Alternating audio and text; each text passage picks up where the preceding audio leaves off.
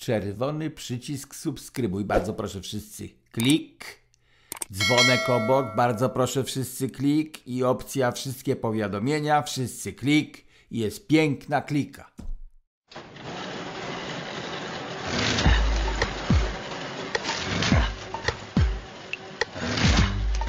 Radiowy przegląd prasy. Komentują Wojciech Cejrowski i Andrzej Rudnik.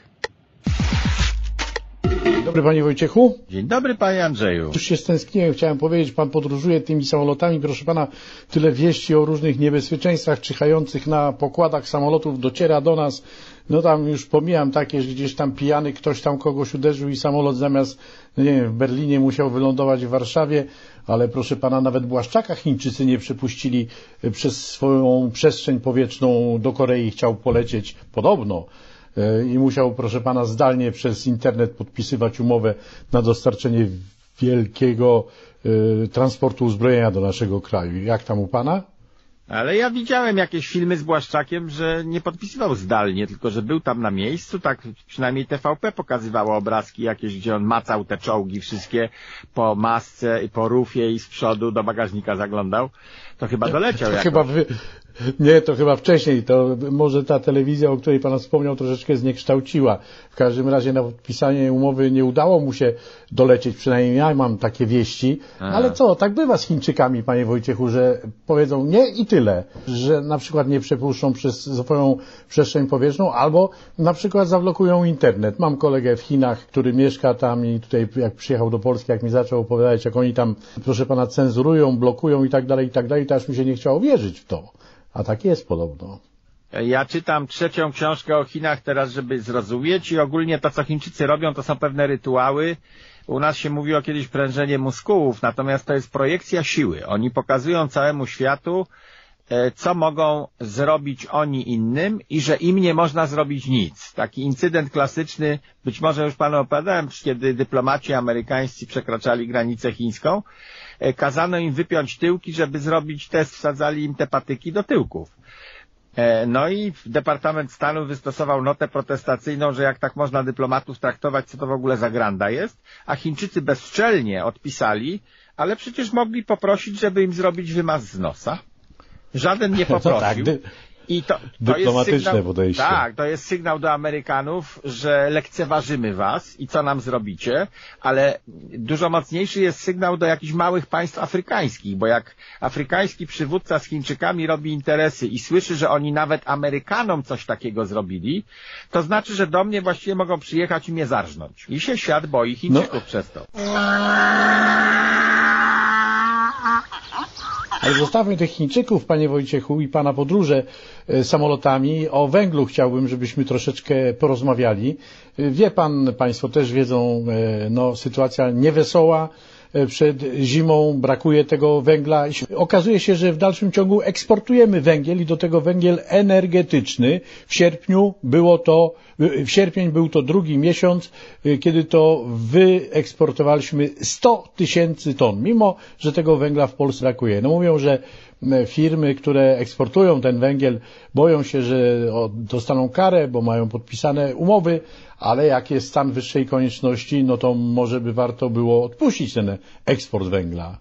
No właśnie, tylko wtedy jest rząd potrzebny, gdy jest jakiś stan wyższej konieczności i niezbędna jest interwencja z góry, która jednocześnie ochroni takie firmy.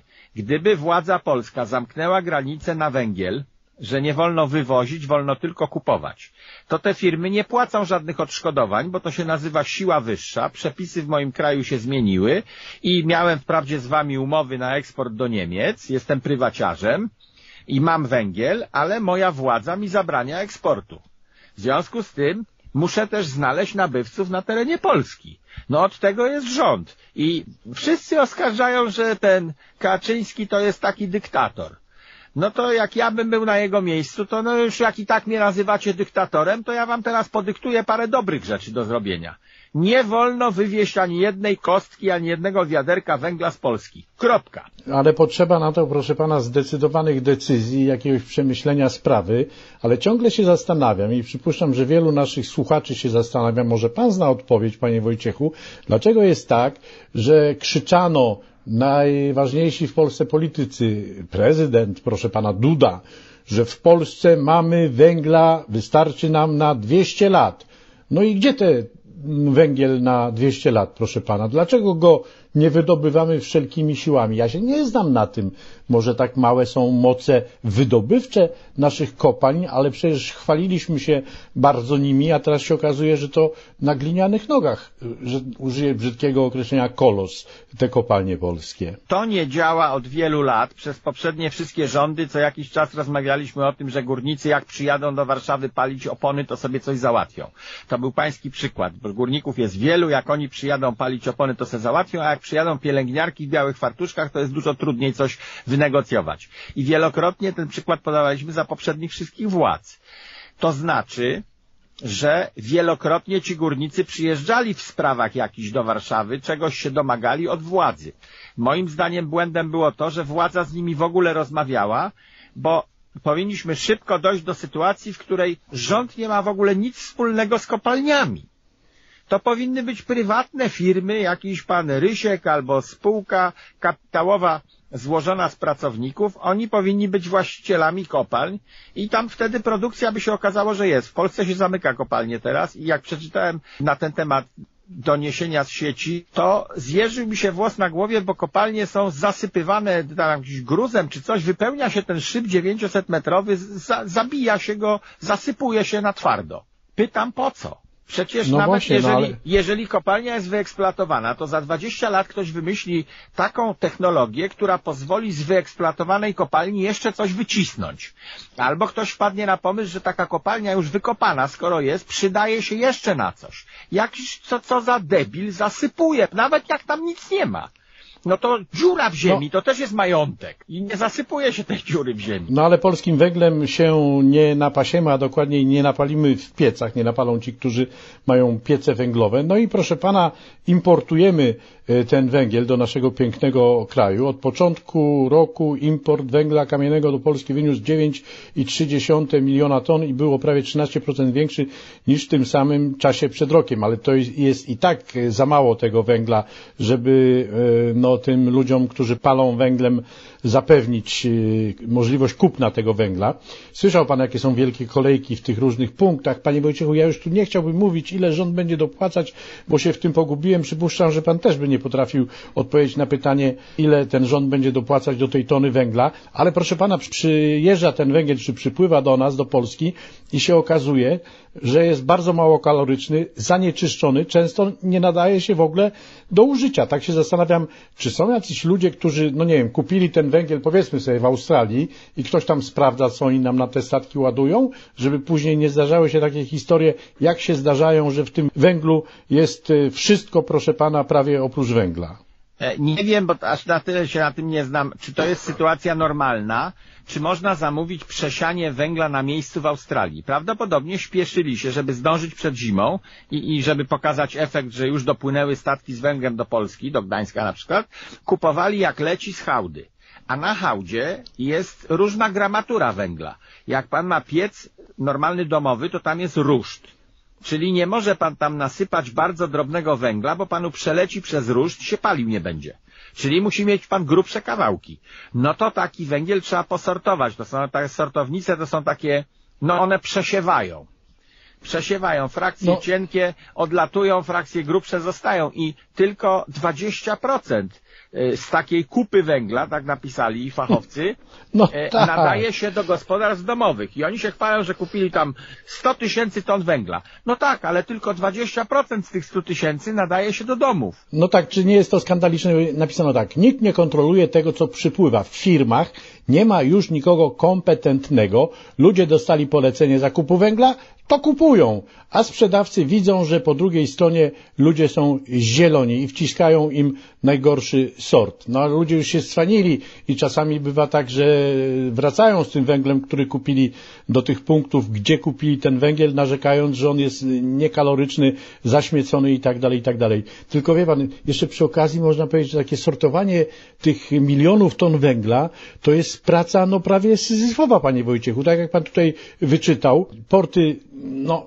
praktycznie to nie mają e, sprzętu do sortowania e, tego węgla. Na przykład na Śląsku w zakładzie Sobieski jest specjalna, wysoka na 50 metrów instalacja do przesiewania węgla, która wychwytuje większe kawałki do sprzedaży gospodarstwom domowym, ale w portach takiej nie ma takich urządzeń, proszę pana. No porty, no są, porty są od przerzucania towaru ze statku na ląd i wypychania potem y, sportowych magazynów dalej w kraj a nie od sortowania na miejscu przesiewania węgla, więc ktoś niedouczony e, wpadł na świetny pomysł, to kupimy dwa statki z Australii. Przypłynęły statki i ten dalej, ten niedouczony powiedział, no to niech posortują w porcie bo nawet on nie, nie orientuje się, jak to się sortuje, że to musi być wysoka maszyna, no takie sito wielkie do ogromnych ilości węgla i ten głupi, co to robił, zamawiał i te decyzje wydawał, on się nie orientuje, ile to trwa. Polska Grupa Górnicza wprowadziła reglamentację, następna Mondrala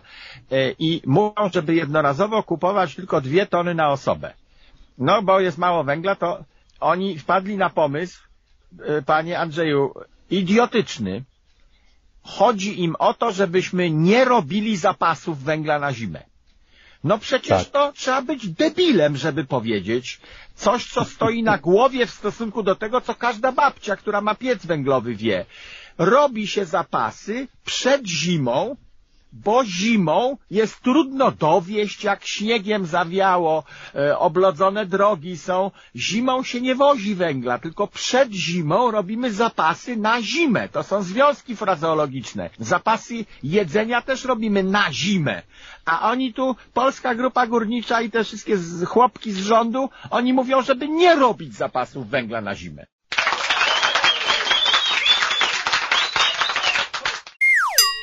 Przerwie powiem coś na boku. Mój dziadek sprowadzał kakao z Peru do swojego sklepu kolonialnego przed wojną. I ja robię to samo teraz. Prawdziwe kostki, bryłki, pasta pachnące, prawdziwe, bez żadnych dodatków, kakao z Peru. Cejrowski.com, łamane przez sklep. I pachnie bo oni nie mają do czynienia z czymś takim jak gromadzenie węgla w piwnicy, jak te piece węglowe. Siedzą sobie w ciepłych pomieszczeniach i mówią właśnie, że ci mali, no niech tu będzie solidarność, proszę pana społeczna i tak dalej. Nie kupujcie tyle, ile wam potrzeba, tylko kupcie mniej, później się dokupi, a nie wiedzą, że tego później może nie być, ale ludzie sobie zdają z tego sprawę, proszę pana. Ja doczytałem no teraz... jeszcze coś takiego, że jak ten węgiel zamarznie, to nie daje się go sortować, bo on jest na przykład wilgotny od deszczu. Jak zamarznie, to się poskleja to wszystko w jedną wielką bryłę, scementuje się i żeby to rozbić, to trzeba, nie wiem, albo kilofami, żeby to posortować i przesiać, jak zamarzło, to już się nie da, bo te drobniejsze frakcje, które chcemy odsiać, to one się zbryliły, namokły i od mrozu się scaliły i ma pan taką wielką kupę betonową, zbetonowaną węgla i pan chce wtedy w styczniu będzie Morawiecki chodził przesiewać? Nie, to jest niewykonalne technologicznie, żeby to zrobić. A to są ich pomysły, tak, że pan w styczniu ma sobie drugą połowę węgla dokupić, a teraz niech pan nie robi zapasu. Panie Wojciech, ale przy tej okazji, już tam się dzisiaj nasza rozmowa zrobiła jednotematyczna, ale niech tak Czarna jest ta rozmowa. E, czarna, ale teraz właśnie chciałbym troszeczkę zmienić kolor na e, brunatną. No. Na brunatny kolor. Węgiel brunatny, no usłyszeliśmy panie Wojciechu, że będzie można palić wszystkim w piecach, czym pan chce, oprócz opon, tak powiedział nadprezes w naszym kraju. Ci, którzy się chociaż troszeczkę znają e, na węglu, wiedzą, że węgiel brunatny to nieszczęście jest dla e, takich ludzi, którzy palą w piecach, bo po pierwsze jest mało kaloryczny, a po drugie takie zanieczyszczenie środowiska, że potruje no, wszystkich w okolicy. A podobno będzie można palić tym y, węglem także w piecach. No bo to jest sytuacja ratunkowa i wyższej konieczności. Jak pan, pan zamarznąć dzisiaj, no to woli pan y, umrzeć na chorobę płuc za trzy lata To jest taki rodzaj myślenia. Już do takiej desperacji doszła ta władza, do takiej dezorganizacji wszystkiego, ta, którą mamy i nie tylko ta z, z PiSu, bo PO wcześniej było i z węglem były kłopoty i za SLD były górnicze protesty i tak dalej, więc to nie, nie tylko ta władza, co jest teraz. Ogólnie władza, którą mamy w Polsce. Zaszliśmy już w takie bagno, od lat pana tłumaczyłem jako właściciel posesji, który się piecami interesuje, że powinniśmy budować coraz lepsze piece, które coraz lepiej palą i wtedy możemy nawet opony palić w tych piecach pod warunkiem, że to jest stosowny piec, który sobie z tym poradzi i będzie dopalał w kominie te kopciuchy, które wylatują. Druga i trzecia komora spalania. W Szwecji takie rzeczy widziałem. Od lat mówię, że trzeba się zająć nie e, likwidowaniem niektórych typów węgla na rynku, tylko stawianiem coraz lepszych pieców i filtrów na kominach. To na to bym chciał, żeby jeżeli muszą być dotacje, żeby były na to dotacje.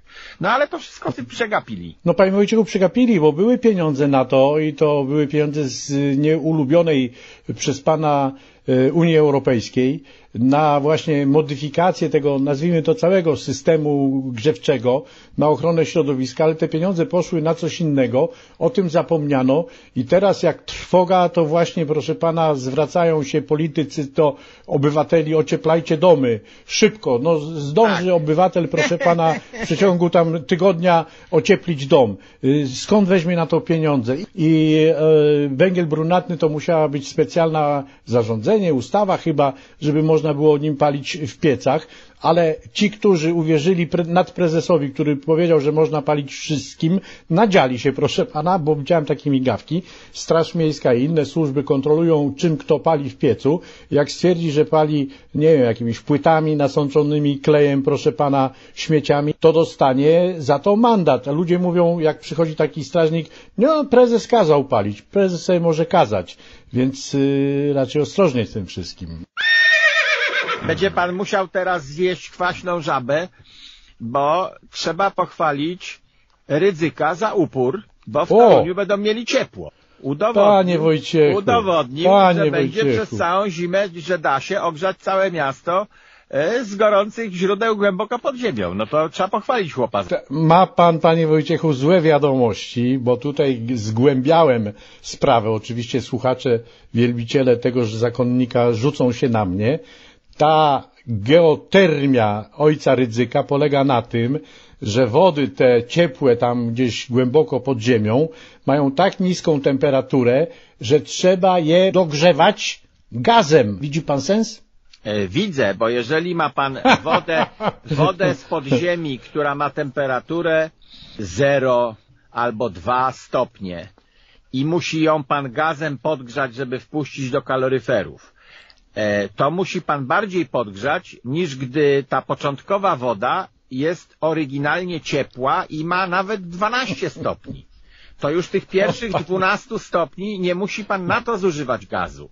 Te stopnie to pan trochę, e, tak, że tak powiem, umownie powiedział, bo taka woda w kranie, jak leci z kranu, to ona ma tam, nie wiem, z 15 stopni na pewno, a czy z 18 nawet. Nie, taka jak zimna woda w morzu to ma 18. Jak wyciągam wodę z mojej studni podziemnej, no to ona jest płynna, czyli nie zamarzła, ale to jest bardzo zimna woda. E, natomiast jak no tak. miał ciepłe studnie, tak jak ma, no, no, wyciąga pan sobie wiaderko wody i chce pan zagotować na ziemniaki. No to jak pan ze studni weźmie wodę, to pan będzie długo gotował, Dużo węgla pan zużyje na gotowanie, bo strasznie zimną wodę pan przyniósł do kuchni. A ryzyk dostarcza ocieploną wodę z tych podziemnych źródeł. No to dużo no, no. energii musi zużyć na podgrzewanie do temperatury, którą ostatecznie wszyscy chcą uzyskać dopatrywałbym się, proszę pana, jakiegoś podstępu w tych y, działaniach Ale to tegoż pan co, zakonnika. Pogadajmy w no. styczniu. No. Jeżeli w styczniu no. będziemy pamiętali jeszcze tę historię i się okaże, że y, Toruń nie zamarza, a inne miasta zamarzają, no to będziemy mieli eksperyment. No to wtedy, proszę pana, odszczekam i będę mówić, że się myliłem i że ten gościu zrobił coś dobrego, ale wątpię. No to na zakończenie, proszę pana, naszej dzisiejszej rozmowy, jak pan sądzi, panie Wojciechu, hmm? czy nie daj, chciałem powiedzieć nie daj Boże, ale to w moich ustach może by źle zabrzmiało, czy jeśli, proszę pana, e, nie będą mieli ludzie czym grzać w tych piecach, palić w tych piecach, no, no i ta zima będzie straszna, to może się to źle skończyć dla rządzących? Czy już tak się przyzwyczailiśmy do indolencji, że eh, powiemy. Ludzie się bardzo rzadko buntują i zwykle się buntują, jak ktoś zaatakuje ich rodzinę. No jak są podwyżki kiełbasy, a ten chłop w stoczni pracował i nie było go stać na kupowanie za stare ceny i Gierek podniósł cenę kiełbasy, czy który to tam był, no to nastąpiły wydarzenia grudniowe o kiełbasę. Bo ten chłop Tak. ostatecznie pracował ciężko gdziekolwiek, w kopalni czy w stoczni, po to, żeby jakąś kiełbasę do domu przynieść, żeby dzieci miały co jeść. I ludzie dopiero się buntują przeciwko władzy, jak są bezpośrednio zaatakowane ich rodziny. No I rzadziej się buntują zimą. Dlatego komuniści też wymyślali te podwyżki zimą. Albo tam premie jakieś będą świąteczne, to może przełkną jakąś te podwyżki, nie zauważą, że ceny wzrosły. Poza tym zimą się trudno strajkuje. Odetniemy im ogrzewanie, nie będą strajkowali, to wyjdą z tej stoczni. No ale mimo wszystko, mimo że to w grudniu było robione, to mieliśmy wydarzenia grudniowe. Właśnie. Czy teraz się ludzie to- przeciwko władzy zbuntują? Nie umiem panu tego powiedzieć, bo to zależy też od aury. Jak zima będzie łagodna, to jakoś przejdzie, a jak zima będzie ostra, to ta władza padnie od mrozu. No, albo może w wyborach, proszę pana, ludzie będą pamiętali, chociaż pamięć ta związana z polityką w naszym kraju jest bardzo krótka. Musimy kończyć. Dzisiaj dziękujemy za uwagę. Do usłyszenia. Bye. Był to radiowy przegląd prasy. Komentowali Wojciech Tejrowski i Andrzej Rudnik.